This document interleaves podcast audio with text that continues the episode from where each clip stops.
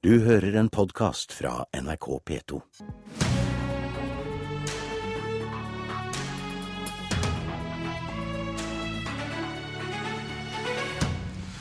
OL splitter landet og de politiske partiene. Er dette blitt en kamp mellom by og land? I ettermiddag skal Høyres stortingsgruppe behandle OL-spørsmålet. Saken splitter partiet, og fylkeslagene i nord ber stortingsgruppa stemme nei. Men du arbeider for et ja, Kristin Vinje, stortingsrepresentant for Oslo Høyre og tidligere finansbyråd i hovedstaden. Hvorfor er OL så viktig for deg? Jeg syns olympiske leker er et flott prosjekt. Jeg syns det er en, en idrettsbegivenhet som samler folk fra alle verdens land. Og den stimulerer unge mennesker til å strekke seg i idrettens glede. Og det er et prosjekt jeg syns vi skal delta i, og det gjør vi jo. Vi er jo verdens supernasjon innenfor vinteridrett. Og da syns jeg også av og til at vi må være vertskap for disse arrangementene. Men uansett så er dette et arrangement der det er sterkt delte meninger, og ikke bare innen Høyre. For tidligere i uka så satt stortingsrepresentant Marianne Martinsen fra Oslo Arbeiderparti her i Politisk kvarter og sa ja til OL. Men du sier nei, Martin Henriksen, innvalgt på Stortinget for Troms Arbeiderparti. Hvorfor vil du ikke ha OL? Både jeg og Arbeiderpartiet er for idrett. Vi er for at Norge skal ta på seg å arrangere store idrettsarrangement eller OL med jevne mellomrom. men men denne søknaden ikke er god nok. Det tar ikke noe oppgjør med IOC, som dagens jeg vil si, nærmest absurde VG-forside viser, med der IOC krever altså, totalt absurde privilegier til seg sjøl. Men så er det også klart at denne søknaden heller ikke har folkelig støtte. Og det syns jeg man skal lytte til. Og jeg ser at et av de argumentene som blir brukt før OL, er f.eks. anleggssituasjonen. Jeg tror at vi kan få mange flere flerbrukshaller og bedre idrettsanlegg for barna våre ved å fokusere på det og ha et konkret anleggsløft over hele landet. Og Hvis det er viktig for oss å få bedre anlegg, så trenger vi ikke å gå veien om et kostbart OL, der det meste av pengene går til andre ting. Ja, la oss se litt mer på IOC. For denne VG-forsiden som du forteller om, der heter det altså at IOC forlanger at kongen skal betale drinkene. Hvordan har dere tenkt å temme IOC, Kristin Linje? Ja, disse, Alle disse kravene de kommer jo nå fram fordi søkerkomiteen i Oslo først og fremst har fått åpenhet rundt disse tingene, og det er veldig bra. Og mange av disse tingene virker jo helt absurde, og det må vi jobbe for å motvirke i den fasen vi går inn for å forhandle med IOC nå. Jeg kan ikke kommentere hver og en av de tingene, men i hovedsak så bør det være sånn at IOC skal betale for sine egne biler og egne ting.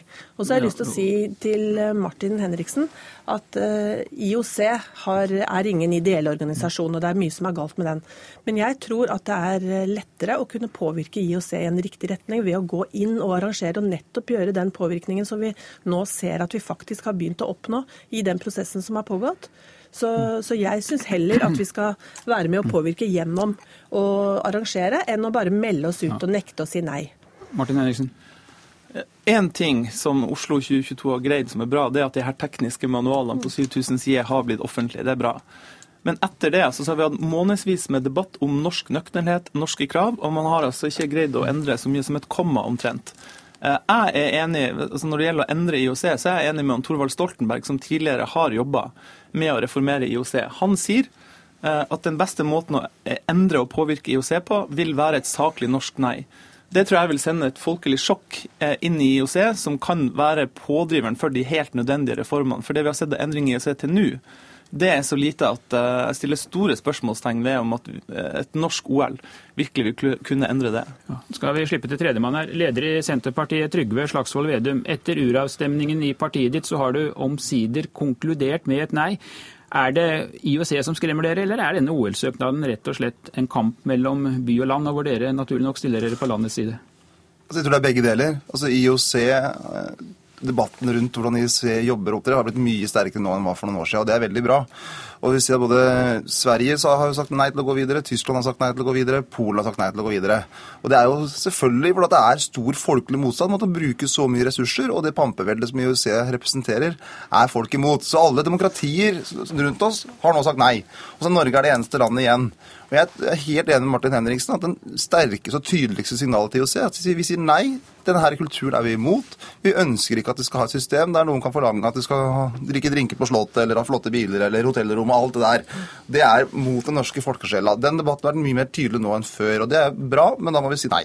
Og så Punkt to er at dette har blitt et stort Oslo-prosjekt, ikke et nasjonalt prosjekt. Skal vi bruke mellom 20 til 30 milliarder, det er litt usikkerhet rundt det her tallet så må det være et nasjonalt prosjekt som eh, har støtte fra nord til sør. Og Det har ikke søkekomiteen i Oslo klart, selv om de har brukt flere hundre millioner kroner for å prøve å påvirke den norske opinionen. Så er det så stor splittelse at det er ikke modenhet eh, og støtte til å arrangere et så tungt løft. Så vi må si nei nå, og så får vi da jobbe med IOC og se om vi kan ha et annet IOC om fire eller åtte år, og klare å få til et nasjonalt prosjekt, ikke et rent Oslo-prosjekt. Ja. Kristin Vinje, jeg må spørre deg. Du satt jo og var med på å utforme søknaden som finansbyråd. Hvorfor har dere ikke klart å få dette til å bli et eh, arrangement for hele landet? Det er et arrangement for hele landet. Det vil jo skape Virker sånn, Nei, det er mange meninger om det. Og det har jeg stor respekt for. Det er fordeler og ulemper med å arrangere et OL. Og jeg har bare lyst til å si for mitt vedkommende så lander eh, Så er summen av fordelene større Eller det er positivt. Sånn at jeg ser mange ulemper. Men i sum så syns jeg det er positivt. Og jeg har lyst til å spørre Slagsvold Vedum også, når han er så sterkt kritisk til IOC, som jeg også delvis er, men som jeg tror vi kan gjøre noe med gjennom å delta. Eh, å arrangere. Vil du sende olympiske utøvere fra Norge til et uh, arrangement som du mener er så korrupt at du ikke vil ha noe med det? Jeg syns liksom det er et svar du bør gi, for da støtter vi opp. Vi kommer uansett til å sende våre utøvere til Kina eller Kasakhstan i 2022 antageligvis med din fulle støtte, eller hvordan er det? Hvis vi tar litt på det, så har jo vi som land har arrangert OL to ganger eh, etter andre verdenskrig. Tar du nabolandet vårt Sverige, for eksempel, så er jo ikke det tilfellet. Tar du Tyskland, så er jo det mye lenger siden de arrangerte et vinter-OL enn vi arrangerte det. Tar du Polen, eh, så heller ikke de arrangerte.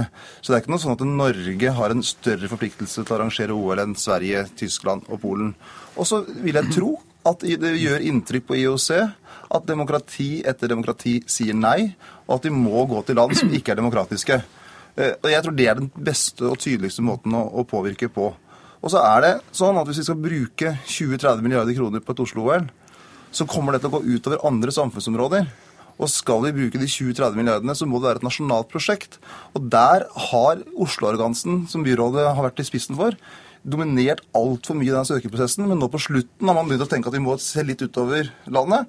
Eh, men det har gjort at det er ikke stor nok støtte til at vi skal bære gjennom en sånn garanti i Stortinget. Jo, men skal jeg spørre Martin Henriksen, Hva ville du sagt dersom det var Tromsø som skulle arrangere OL? Hvis det var på de samme premissene med den samme type søknaden som her, så ville jeg nok vært skeptisk da også. Eh, noe folk er skeptisk til, ikke uten grunn, er jo kostnadene.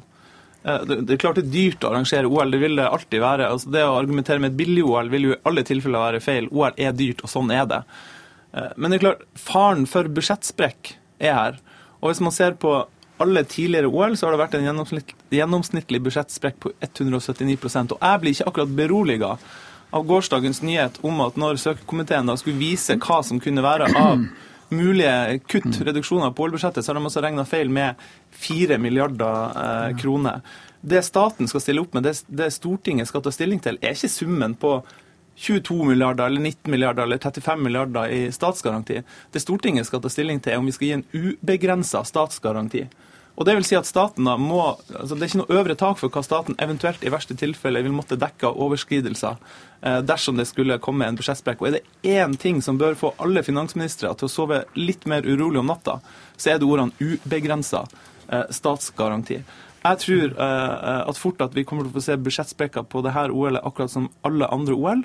Uh, og Da kommer det til å hefte ved de som har vært for det. Kristen Vinje, Hvorfor er det viktig å bruke milliarder på en fest to uker i februar, i stedet for å bruke pengene til å løse mange uløste oppgaver, både her i Oslo og i resten av landet? F.eks. innen eldreomsorg, innen skole, innen samferdsel?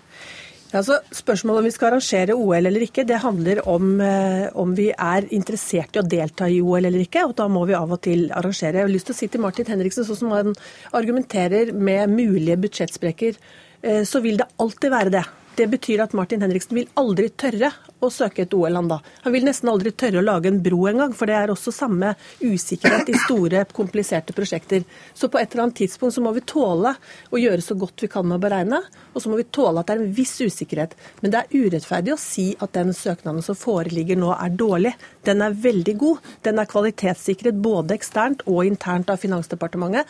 Så at den søknaden som foreligger hos regjeringen, den er meget robust, den er nøktern, og den sier at det er fullt gjennomførbart innenfor de rammene. Så kan det selvfølgelig oppstå eh, sprekker som i alle ting her i verden. Og sånn som Martin Henriksen argumenterer, så vil han aldri tørre å søke et eneste stort prosjekt fordi det skal være en fare for at det sprekker på et vis. Martin Henriksen. Et budsjett med en totalkostnad på 35 milliarder. Eh, Og med den historien for budsjettsprekk som har vært i tidligere OL, så er det klart at det burde bekymre. Eh, Men eh, altså, en grunn til at jeg mener at denne OL-søknaden ikke er god nok, er jo det man får igjen av varige verdier. Hvis vi skal bruke 30-35 milliarder da, i beste fall på et OL, så sier altså denne kvalitetssikringsrapporten som Kristin Vinje viser til, at vi får igjen varige verdier på rundt 2,5 milliarder. Det er alt av infrastruktur, eh, alt av anlegg.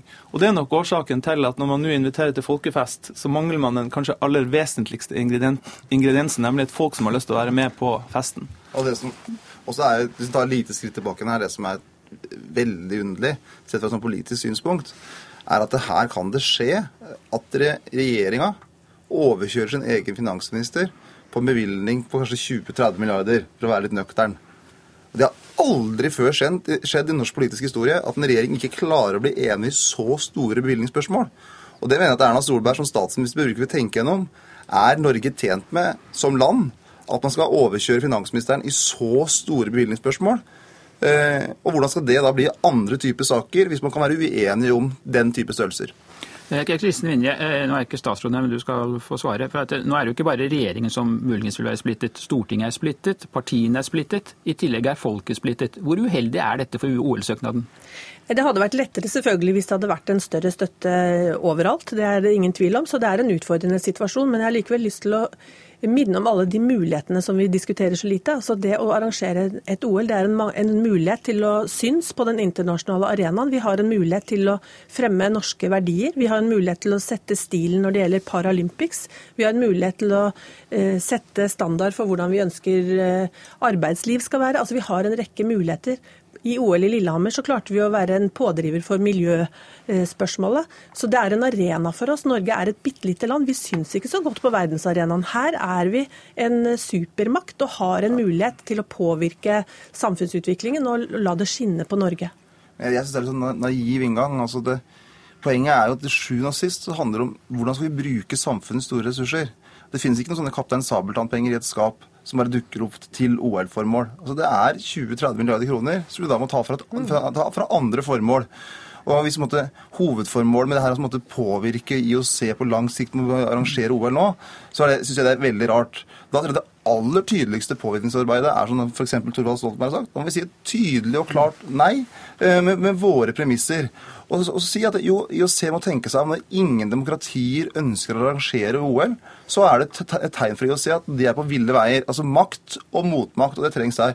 Og, og så må vi tenke, Hvis vi hadde 20-30 milliarder, så kan vi f.eks. brukt det på idrettsanlegg rundt i hele landet. Skole, helse, vei, jernbane. Og vi må da ta de pengene fra en annen plass. Og så det, må det være et paradoks for Høyre at det vil overkjøre deres eneste partner i regjering.